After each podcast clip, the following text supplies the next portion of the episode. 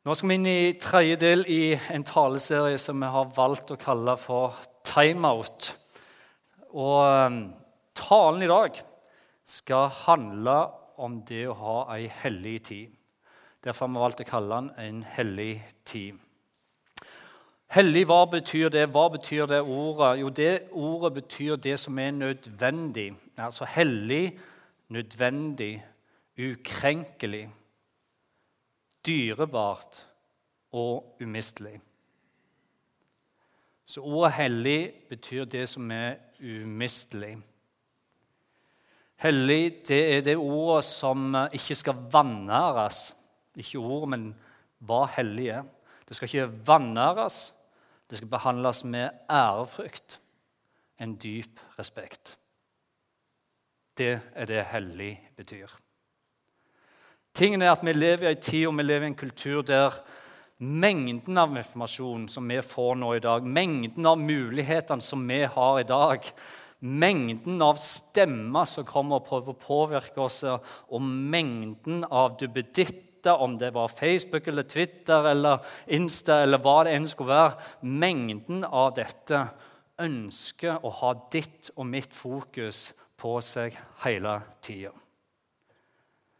Aldri har det vært et sånt et nivå som det er nå.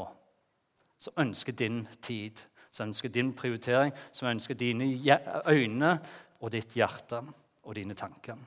Aldri har det vært ei tid som nå. Og Nå vet jeg ikke hva du tenker om dette, her, men hvor mange av oss er det ikke som ville likt Hvor mange av oss er det som ikke vil ha litt, ha litt mer daglig tid kun for oss sjøl? Eller hvor mange er det her inne som ville sagt at hvis jeg kunne hatt litt mer tid, så ville jeg brukt det på de menneskene de rundt meg som jeg er glad i, som jeg elsker? Eller hvor mange er det som ikke ville sagt jeg skulle ønske jeg kunne hatt litt mer tid, for da ville jeg brukt det med Gud, i Guds nærvær? Vel, jeg tror mesteparten av oss, uten å tenke oss opp ett eneste sekund ville si ja til alle de tre tingene der.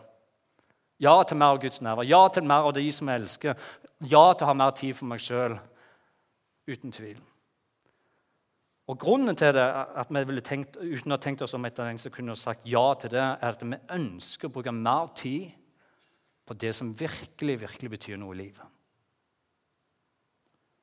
Så I mengden av informasjon og mengden av alt det som kommer imot oss, så er det i grunnen det som står igjen til slutt. Ja, Vi skulle ønske vi kunne hatt mer tid til det. Vi skulle ønske vi kunne hatt mer tid til de som elsker Guds nerver, tid til oss sjøl. Okay, hvis Gud sa at ok, ja, men det er greit Du skal få mer tid. Boom! Så fikk du en time ekstra i døgnet. 25 timer. Eller to timer ekstra. 26 timer i døgnet. Nå skal du ha, Så er allikevel sannsynligheten veldig, veldig, veldig stor at mesteparten av oss her inne ikke vil bruke den ekstra timen eller to på det som vi virkelig ønsker i livet. Mer tid med de vi elsker, mer tid i Guds nærvær. Og hvorfor er det sånn? Jo, grunnen til det er sånn at den kulturen og den tida som vi lever i nå, den har med seg en overveldende måte å sette press på vår tanke, vår tid, med all den informasjonen som vi får imot oss. Og sannheten er den om at ikke vi nå i dag velger å disponere og faktisk reflektere over dette, observere dette og velge å ta noen konkrete valg i det, så vil du ikke få den tida du ønsker til å bruke på det du elsker mest. Alenetid eller i Guds nærvær, i Bibelen og i bønn. Om du fikk én time mer eller to timer mer, så tror jeg ikke det betyr noe. For sannheten er at 24 timer til dagen er mer enn nok. Det handler ikke om det, men det handler om hva du velger å prioritere og sette fokus på. Hva er hellig for deg? Som eh, de fleste av dere vet, eller mange av dere vet, så bor min og og meg på en sykkeltur nå rett før sommeren. Og vi sykla gjennom Norge på tvers fra Nordkapp til Lindesnes. Og grunnen til vi fant på det, og det er jo rart at vi fant på det i grunnen i det hele tatt, men grunnen til at vi gjorde det, var at vi var et juleselskap sist jul. Og så satt vi der, meg og han, og prata. Og så begynte vi å hive opp en del ting i lufta. Vi skulle jo ha funnet på noe, sa Gjelling. Eh, sa jeg. Og så begynte vi, og så heiv vi opp den ene ideen, den andre ideen, og tredje, fjerde femte. Og så landet vi på den største og mest hårete målet de alle. La oss sykle fra Nordkapp til Lindesnes. Og det var også to som ikke hadde sykla siden ungdommen. Og Derfor ble det målet. Yes, la oss ta det! Og så begynte vi, og vi visste ikke hva vi holdt på med i det hele tatt. Fikk mye hjelp underveis, og det gikk greit. Vi kom i hvert fall hjem. 260 mil ca. Norge på tvers. Og Vi starta på Nordkapp. Og det vi hadde hørt da før vi reiste, og dette, vi hadde hørt at det er ikke mulig å sykle feil i Finnmark. Det er ikke mulig. Det går én vei fra Nordkapp gjennom Finnmark, hadde vi hørt. Ja, men da var det greit. Da tenkte vi at det er sånn det er. Og Jeg vet ikke om det var mangel på total mangel på sykkelferdigheter, eller om vi bare dreiv med strømmen, men allerede den andre dagen så klarte vi å sykle feil i Finnmark. Og ganske feil òg. Det var liksom bare én vei. Men det er klart at når vi ser nå i ettertid, og vi ser på kartet på Google Max det kommer opp på veggen her, så forstår en jo at ja, vi skulle jo ha fulgt den blå veien. Men vi tenkte det fins kun en vei, og vi kom fra høyde nedover bakken i god fart. Og når vi kom til Skaidi, så ser jo når vi ser på Google Max etterpå at her skulle vi svingt 90 grader. Men det gjorde ikke vi. Så vi kjørte rett fram, og vi forsto ikke dette før to og en halv mil lenger ned i gata. Sånn cirka at vi var på vei til Hammersfest og ikke til Alta. Og det er ganske forskjellige veier. Og det er greier da at da kan jeg love deg på den andre dagen, helt oppe i toppen av Finnmark, at entusiasmen den sank i bånn. Vi hadde sykla i motvind. Vi var dass gjennomblaute, og vi var iskalde. Det var to-tre grader, og de hjemme sendte snapper det som var, vet du, med 25 grader grilling og tre bading dag til dagen. og Vi bare kjente vet du hva, hva er det vi holder på med. Akkurat da, når vi satt helt nedrullet inne i hjørnet på et lite postkontor der oppe, så kom det en brannbil rullende inn. Batteriene med sykler, batterisykler var helt flate. Og vi satt der og lurte på hva som gjør. Da kom det en brannbil rullende inn rett framfor øynene på oss. Og Reelling han er ganske frimodig. han er broren min, så det vet jeg om. Han reiste seg rett opp, gikk rett ut, og så fortalte han til han her karen jeg så de sto og snakket sammen. Og Jeg visste ikke hva de snakket om, men da fortalte han at han Jim som sitter der inne, han har òg vært brannmann, sa han. Dere er mest brødre. Er det en mulighet for at vi kan bli kjørt tilbake av deg to og en halv mil opp til Skeidien? Han forklarte hele situasjonen. Og greiene så, så, Plutselig ser Roy Ellen snu, han kommer inn, og så sier han dette. Jim, Adrian Adrian er helt med! Adrian er med på laget vårt! Adrian er med! Og jeg sier, Adrian? Hvem Adrian er? Nei, han Brannmann Adrian han har sagt ja, han skal kjøre oss tilbake igjen med en eneste gang. og sannheten, Fem minutter senere så var alle syklene og alt inne i bilen, og vi kjørte opp gjennom. Vi kom opp til Skeidi igjen, og redningsmann, brannmann, redningstjenesten, brannmann Adrian, han redder oss. Og vi er veldig, veldig glad for det. Og Det som skjer nå, dette er helt, helt sant. Vi hadde i grunnen ikke så vidt fått syklene ut på bakken. Så vi plutselig hører rett bak oss en bil som bråbremser. Og vi snur oss, og så ser vi ei eldre dame rulle ned vinduet. Og så sier hun, 'Å, der er dere. Jeg vil nå bare se hvem de var, disse to brødrene som kjørte feil her oppe.'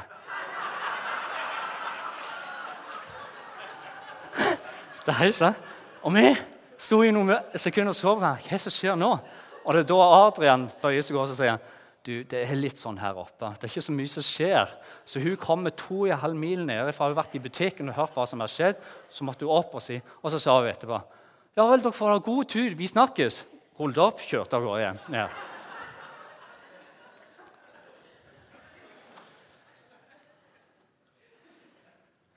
I første Mosebok så kan du lese om Gud som skaper. Og det står at Gud han skaper. Han skaper lys, han skaper land, han skaper trær, han skaper dyr, han skaper alt gresset, fiskene og alt. Og så avslutter han hele mesterverket sitt med å skape mennesket til slutt. Og Han er på den sjette dagen han har skapt alt sammen, og mennesket er ferdig. Det har i seks dager arbeidet, og så avslutter han arbeidet sitt. Og så står det videre dette her, at Gud velsigna den sjuende dagen, og han helliger den. For den dagen hvilte han fra hele sitt arbeid, det som Gud hadde gjort da han skapte. Og Allerede her i begynnelsen, helt, helt, i begynnelsen av Det gamle testamentet så ser vi allerede at Gud har en rytme. Gud har skapt noe som er i rytme.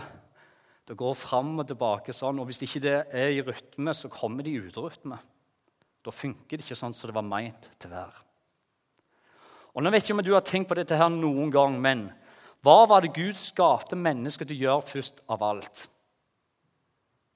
Var det første Gud skapte? Var det til å pløye marka? Var det til arbeid? Var det til å gjøre noe for Gud? Nei, det var ikke det. Det første Gud skapte mennesket til Hør nå. Han skapte det med sjette dagen, og den første dagen Gud skapte mennesket, hva var det til, til å holde hviledagen hellig?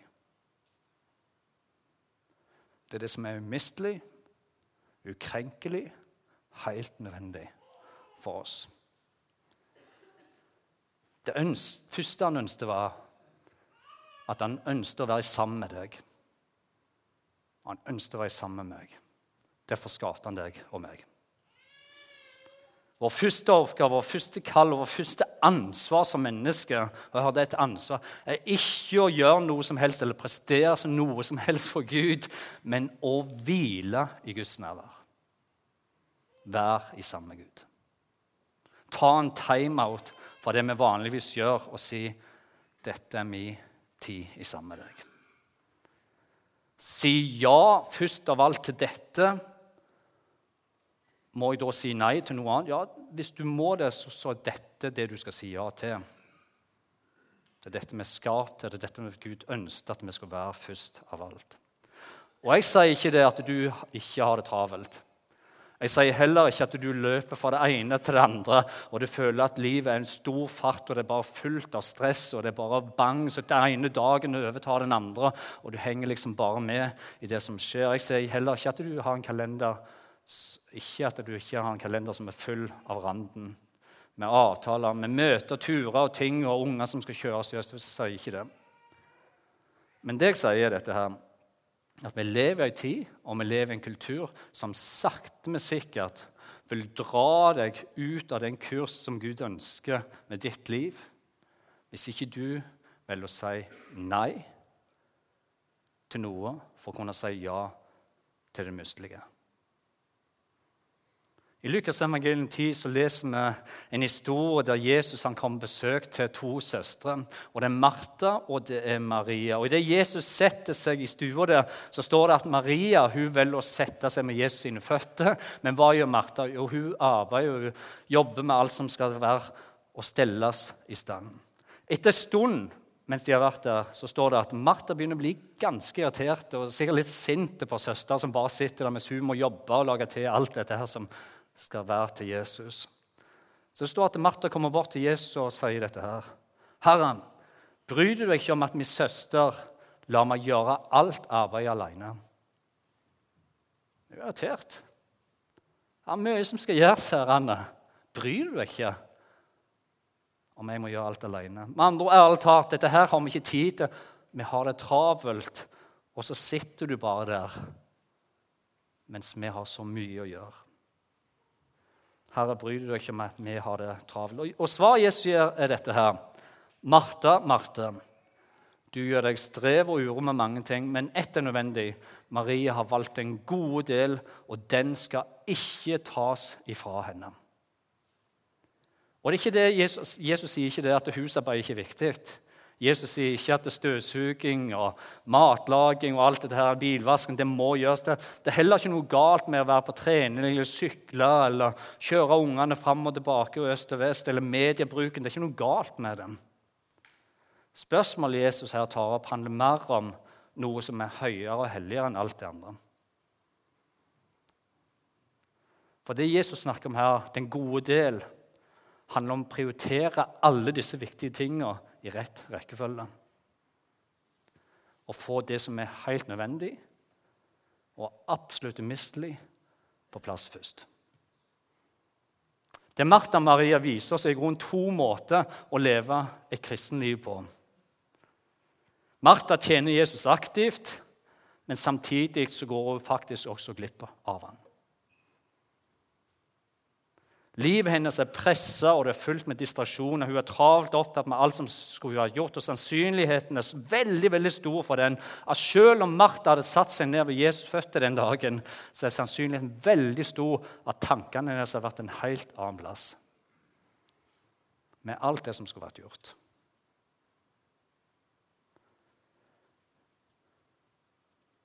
Og Poenget her er at Jesus sier ikke at arbeid ikke er viktig. Han sier ikke at tjenesten din ikke er viktig. Han sier men det er noe som er viktigere. Det er noe som er mistelig og helt nødvendig. Thomas Judin skriver i boka si mens du hviler deg, i bok som jeg anbefaler i denne taleserien her. Han skriver dette her. Framfor alt rekker vi aldri å tenke på hvem vi ønsker å være i en kultur der det er en fjær i hatten har mye å gjøre. Der fullbooket er en statusmarkør og stillhet blitt synonym med dovenhet. I en slik kultur blir hvile snart ikke mer enn latskap. Kanskje det er derfor vi unnskylder oss, forsvarer oss mot den og kvier oss for å oppsøke, oppsøke den hvilen. Og sannheten om en sånn kultur at denne er ikke fra Gud. Gud sendte ikke sin eneste sønn til å dø for oss for at vi skulle gå rundt og tro at vi ikke var gode nok og ikke strekke til. Sannheten er at Gud sendte ikke sin sønn bare for de perfekte. Han sendte ikke sin sønn bare for de perfekte. Gud sendte sin sønn for alle oss andre som er ganske uperfekte. Som trenger Hans nåde hver eneste dag som trenger å hvile i hans nærvær, som trenger å forstå og høre hans stemme som sier, 'Vet du hva, det er godt nok'. Hvil i meg. Det fins ingen krav og prestasjoner der. Kun et dypt og inderlig ønske om en nær relasjon, sånn at han kan få lov til å vise hvor høyt han virkelig elsker deg. Og selve symbolet hvor høyt han elsker deg, er det blodrøde korset. Han valgte å gi sitt eget liv for at du skulle få lov i dag å si vet du hva, jeg er fri. Jeg er fri, og jeg hviler i at jeg er fri. Det holdt for 2000 år siden, det holder i dag, og det kommer til å holde inn i evigheten. Og Derfor så ber Gud oss om å holde helligdagen hellig. Hold deg nær, så du ikke mister fokus og mister hva som er sant. Paulus, som var en apostel, han skriver i Efeserbrev 5 dette her. Pass, pass derfor nøye på hvordan dere lever. Ikke som ukloke mennesker, men som kloke. Eller i en oversettelse står det 'viste'. Altså med visdom. Lev med visdom. Og hva er det han ber oss om å være nøye med? Hva er det han ber oss om å leve med visdom med? Jo, så dere bruker den dyrebare tida godt. For dagene er onde. Vær ikke uforstandig, men forstå hva som er Herrens vilje, skriver han. Med andre ord sier Paulus dagene de kommer, og dagene de overlapper hverandre. Ukene kommer, og åra går fort. Vær derfor nøye med hva dere bruker tida på slik at dere ikke mister det som er umistelig, ukrenkelig og helt nødvendig for ditt liv. Tingene er, Når du leser evangeliene, så vil du også se det at det til og med Jesus, og jeg sier dette igjen til og med Jesus, sier jeg, var nødt å gå motstrøms mot kulturen som de levde i på den tida og bruke alenetid sammen med far sin. Og Måten han gjorde det var at han valgte å si nei til noe for å kunne si ja til det mistelige. Som f.eks. i Markus evangelium, hvor det står dette her. Tidlig om morgenen, mens det ennå var ganske mørkt, sto han opp og gikk ut. Han dro bort til et øde sted og ba der. Eller som i Lukas 6 står det i disse dager skjedde det at han gikk opp i fjellet for å be, og han ble der hele natten i bønn til Gud. Eller som i Matteus 14. Han sendte folket av sted. Da han hadde gjort det, gikk han opp i fjellet for å være der med seg selv og be. Da kvelden kom, var han der alene. Og nå er det ikke sånn at vi skal sammenligne oss med Jesus, men vi skal strebe for å bli mer og mer lik Jesus. Det skal vi. Men poenget her er heller ikke at vi skal sammenligne oss, men mer at det til og med Jesus var nødt til å holde denne tida med Far hellig. For tingen er den at hadde du og meg vært til stede den dagen her og dette, Det kan være vanskelig å forstå det, for, for greia, Hadde vi vært til stede den dagen som det står i Matteus 14, når Jesus gjorde store matunder for 5000, foruten kvinner og barn, står det, fikk mat, og folk var gira Hadde vi vært der, så jeg tror vi hadde reagert ganske likt folk og sagt What? Skal du gå nå, Jesus? Nå er jo 5000 her foruten kvinnebarn. de er samla her. Laget er her, de heier, og de er gira. Og så sier du nå er det på tide å gå, for jeg vil være aleine med min far.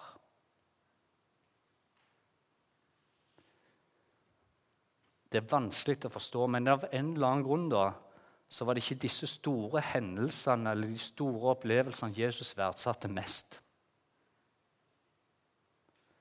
I Lukas 5 så sier Jesus sjøl dette.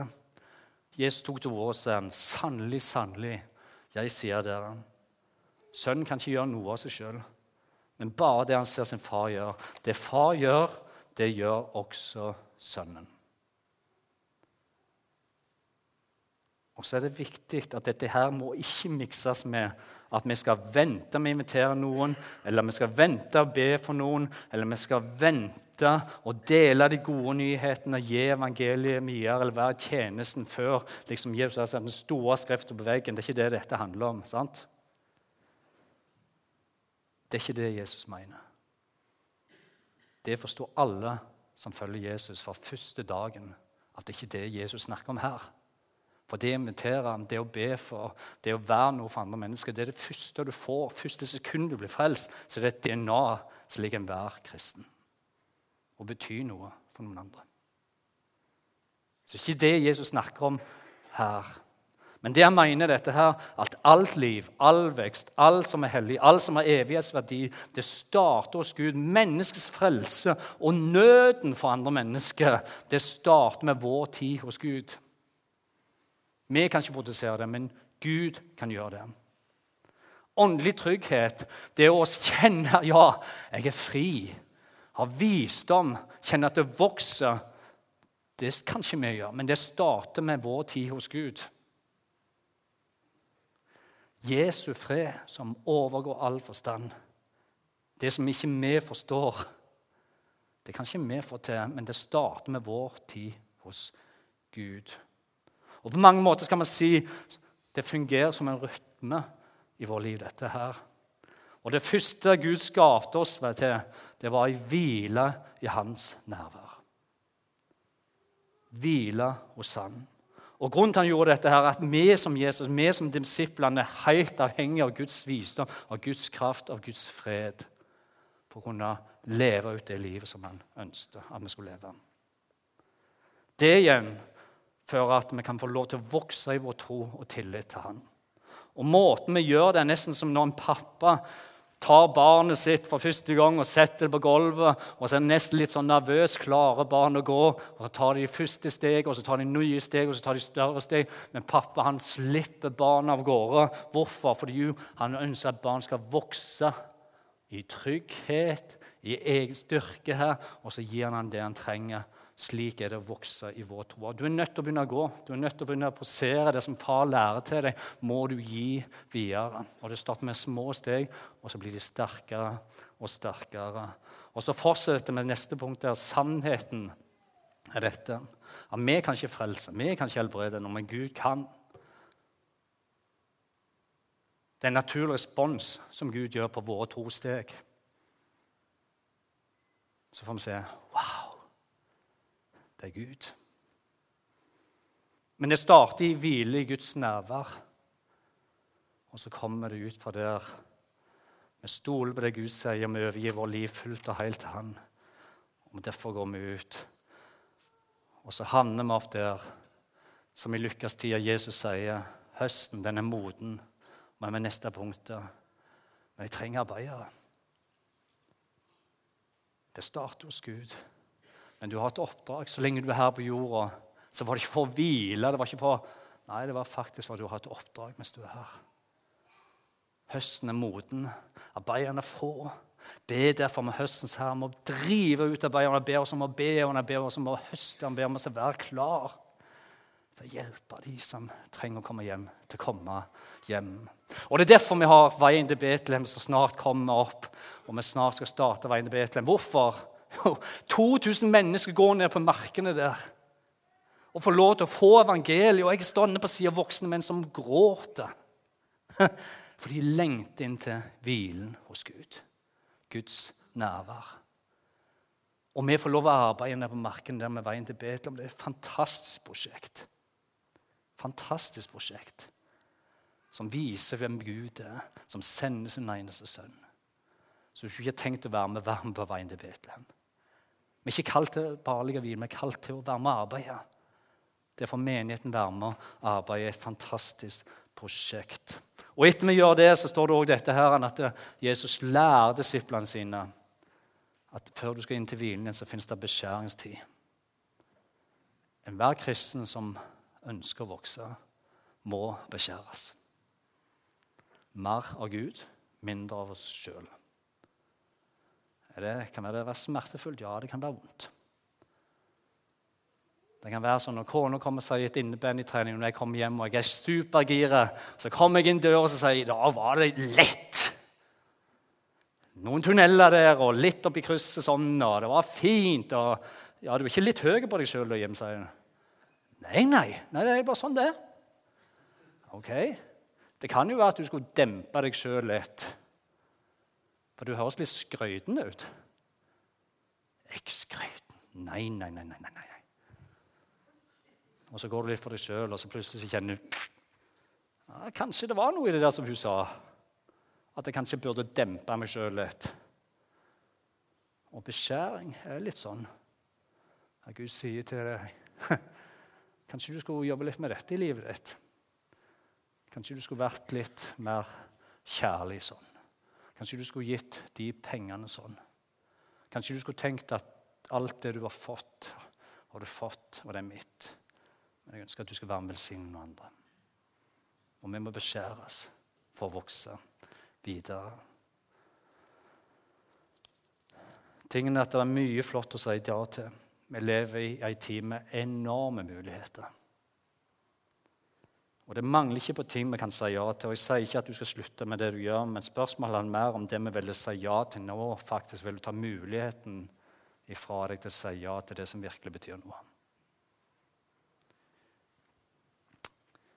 Og Jeg sier ikke dette er en enkel oppgave, for dette er en av mine største utfordringer sjøl.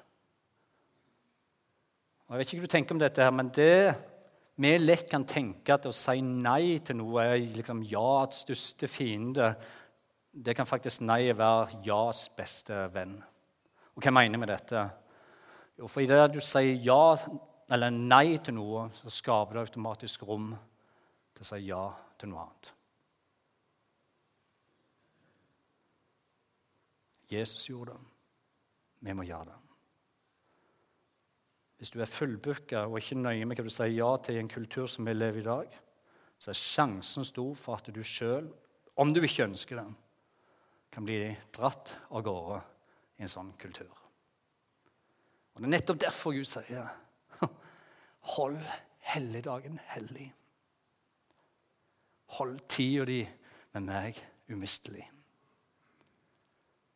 Så han kan få vise deg hvem jeg er. Så kan få du kan få se hva jeg kan gi. Sånn som det står i Jesaja 45, der står dette her. Her Jeg gir deg skatter som er skjult i mørket, og rikdom er gjemt på hemmelige steder. For at du skal, hvorfor? For at du skal kjenne at jeg er Herren, som kaller deg ved navn Israels Gud. Og det er klart Her er vi forskjellige. Noen liker å gå tur i skogen, noen liker å lese Bibelen, noen kneler med, med kjøkkenbordet, med, har bønnelister. Noen sykler fra Nordkapp til Lindesnes. Um, andre tar seg en kortere sykkeltur. Men noe i det at du gjør noe annerledes. Du søker Gud. Du kommer ut av rytme. Er bra. Det er godt, og det er vist. Når David skriver i Salme 23, så skal vi lande med det, som John leste så flott i dag, at Herren er min hyrde. Jeg mangler ikke noe. Han lar meg ligge i grønne enger. Han leder meg til hvilens vann, der jeg finner hvile. Han gir meg nytt liv bare hør det. det. Dette handler om at Gud har et sted for deg. Et sted som er fullt av fred, det er fullt av hvile, det er fullt av nytt liv. Nytt overblikk, en refleksjon sammen med Gud, der hans tanker deles med våre tanker, der våre ønsker møter hans ønsker. Et sted der han ønsker bare å være aleine med deg. Derfor, sier Gud, hold helligdagen hellig. La meg ha alenetid i stand med deg. Hellig som betyr ukrenkelig, dyrebart, umistelig, og som ikke må vanæres, men behandles med ærefrykt og respekt. Hellig.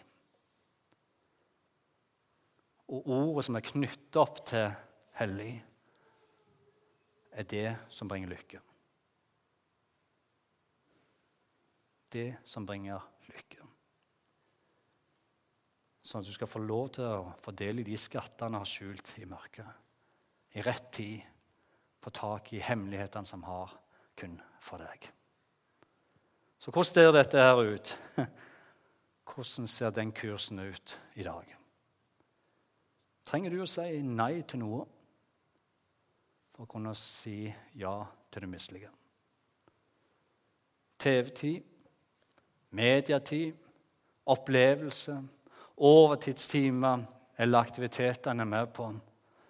Er tida med Gud noe du henter fra overskuddslageret når jeg orker? Eller er tid med Gud noe som står i kalenderen før alt andre kommer? Bare litt praktisk til slutt. Så skal vi be sammen